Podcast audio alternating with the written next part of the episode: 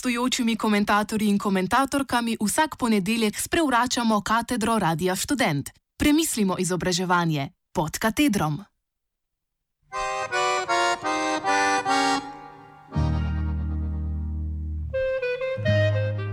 Ponovno o stanovanski problematiki.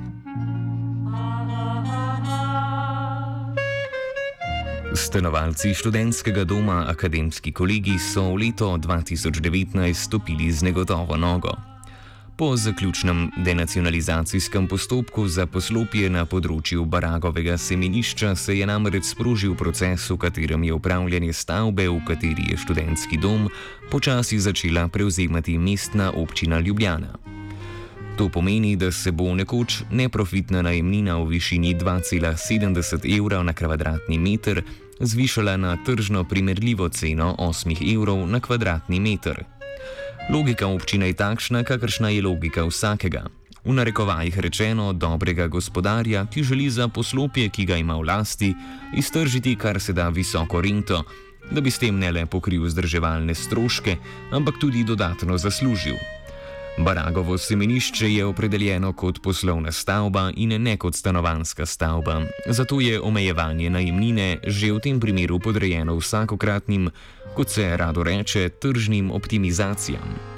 Mestno občino Ljubljana veže prisilni zakon konkurence, ki določa, da različne nepremičnine stopajo v razmerje, v katerem ob povečanem popraševanju naraščajo same najemnine.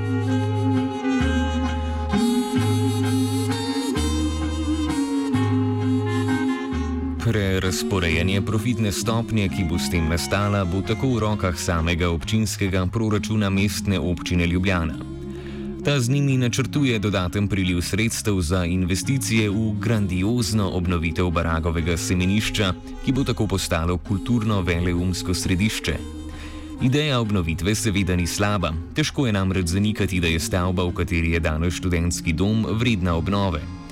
Preteklo prerekanje med državo in crkvijo v lasninskih pravicah ob začetku denacionalizacijskega postopka leta 1991 je potrovalo temu, da nobena od strani ni hotela vložiti sredstev v obnovo baragovega semenišča, vsaj ne tako, da bi ena izmed strani izplačala drugo za stroške same obnove. Danes se dolgoletno pomankanje investiranja kaže v dotrajani opremi, ki prepreda to poslopje.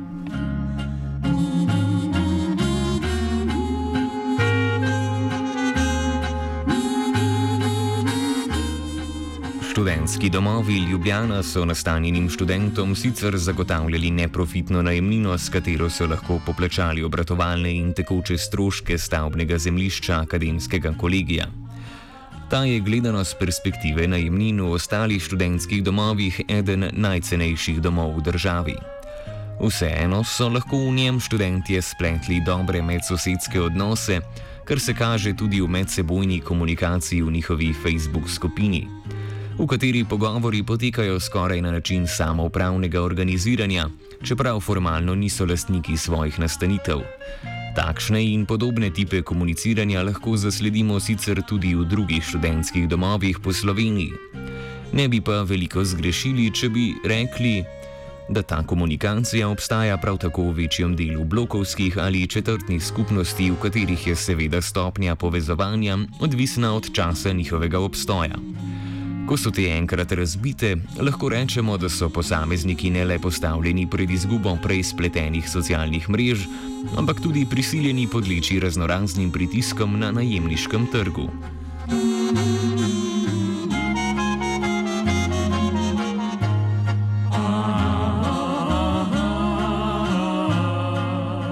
Ministrstvo za izobraževanje, znanost in šport, krajše MIZŠ, je v primeru končanega postopka denacionalizacije spustilo debato z, z ljudsko ljubljansko občino, v kateri je bil zmagovalec skoraj da že vnaprej znan. Država ob pomankanju stanovanske politike niti nima interesa vlagati v njen dostojen razvoj, ali pa je sam proces sprožen šele potem, torej ko se že pojavi akutno stanje na področju dostopnosti stanovanj. Če gledamo področje študentskih domov, je MIZŠ od leta 2010 pa do leta 2018 vložil v njihovo izgradnjo, odkupe in obnove okoli 34,5 milijona evrov.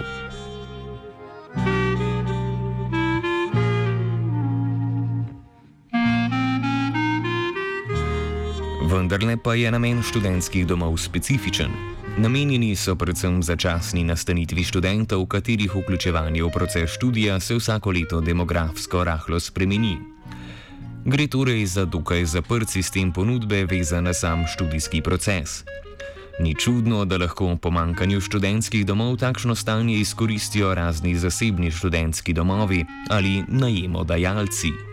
Študentom se ob vključevanju v proces študija verjetno ne da še dodatno ukvarjati s samim iskanjem sob, zato prav hitro pristanejo na različne, recimo jim kar oderuške prakse najemnih ponudb. Renta, ki jo v takšnih primerjih poberajo najemodajalci, pa je le malokrat namenjena investiranju v obnovo najemniških stanovanj, ampak v večini primerov služi najemodajalčevi potrošnji izven te sfere.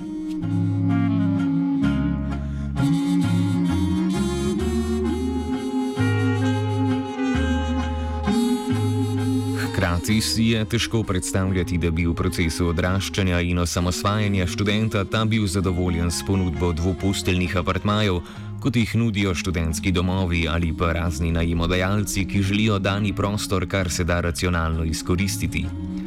Lahko bi rekli, da včasih celo ponudniki počitniških apartmajev te bolje notranje opremijo in v njih zagotavljajo boljše bivanske pogoje a dani pogoji najema zaradi prisilne konkurence študentu ne puščajo ravno prevelikega manevrskega prostora, hkrati pa prav tako rastejo najemnine, ker pač lahko, ne da bi se ob tem obnavljalo samo infrastrukturo.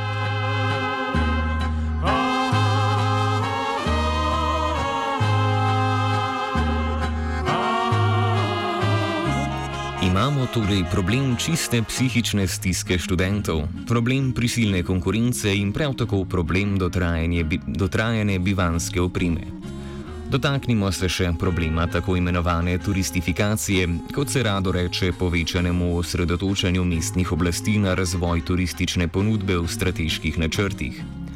Občine so odvisne od turističnih migracij znotraj samega mesta in s tem posredno polnijo svoj proračun. Pri tej problematiki se rado omeni spletno platformo za kratkoročne najeme Airbnb. Vendar ali je res problem v Airbnb-u?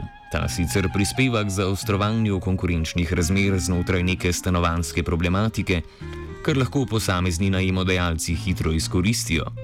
Bolj kot prepoved ali kaznovanje najemodajalcev takšnih spletnih platform bi lahko te služile k optimizaciji in popisu praznih stanovanj, naprimer v Ljubljani. S tem bi lahko državna stanovanska politika dobila v vidu najemniški trg in ga prilagodila razmeram pomankanja ponudbe stanovanj za prebivalce posameznih občin, seveda z obdavčitvami in primerno obvezo o obnovi in dostojnih dolgoročnih najemninah. Kajti glede na to, da sama spletna platforma deluje bolj decentralizirano kot navadna ponudba hostlov ali blokovskih stanovanj, je tej težko stopiti na rep, da bi s tem prilagodili njene tokove najemniških ponudb.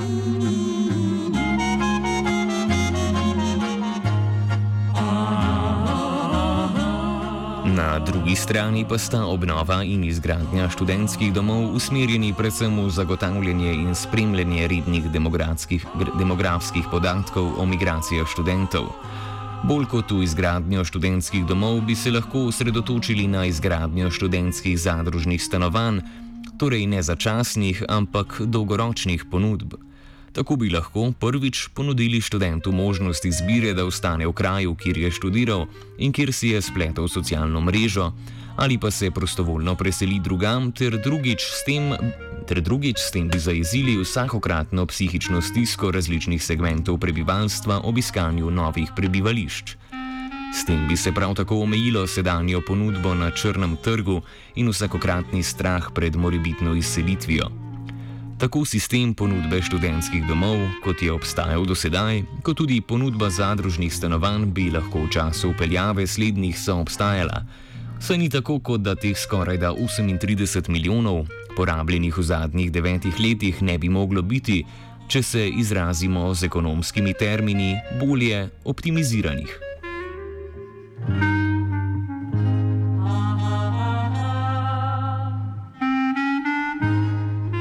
Kaj je bistvo tega komentarja? Bistvo je v tem, da naj država in občine postanejo kapitalisti v pravem pomenu besede in s tem vlagajo v samo dolgoročno stabilnost bivanske infrastrukture, ne pa da se obnašajo kot stari feudalni gospodje s svojimi rentniškimi praksami in luksuzno potrošnjo. S tem bi se krepile vzpostavljene socialne strukture ali drugače rečeno samoupravne strukture, s čimer bi se lahko sprožilo dolgotrajno stanje, kot ga z drugimi besedami opisuje ansambl bratov Avsenik. Na travnikih in opotokih se povsod kadi, nad ogljom žarečim pojedina cvrči in kaj za to, če zbrani družbi dimu nos tišči koslina se vsem že cedi.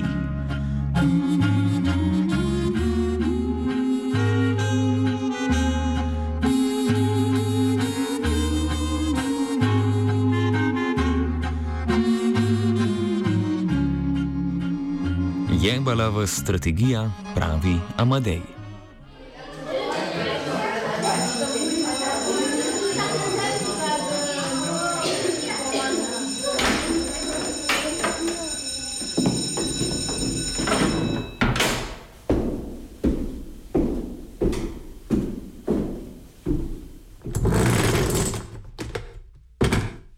Gostujočimi komentatorji in komentatorkami vsak ponedeljek sprevračamo katedro Radia Student. Premislimo izobraževanje pod katedrom.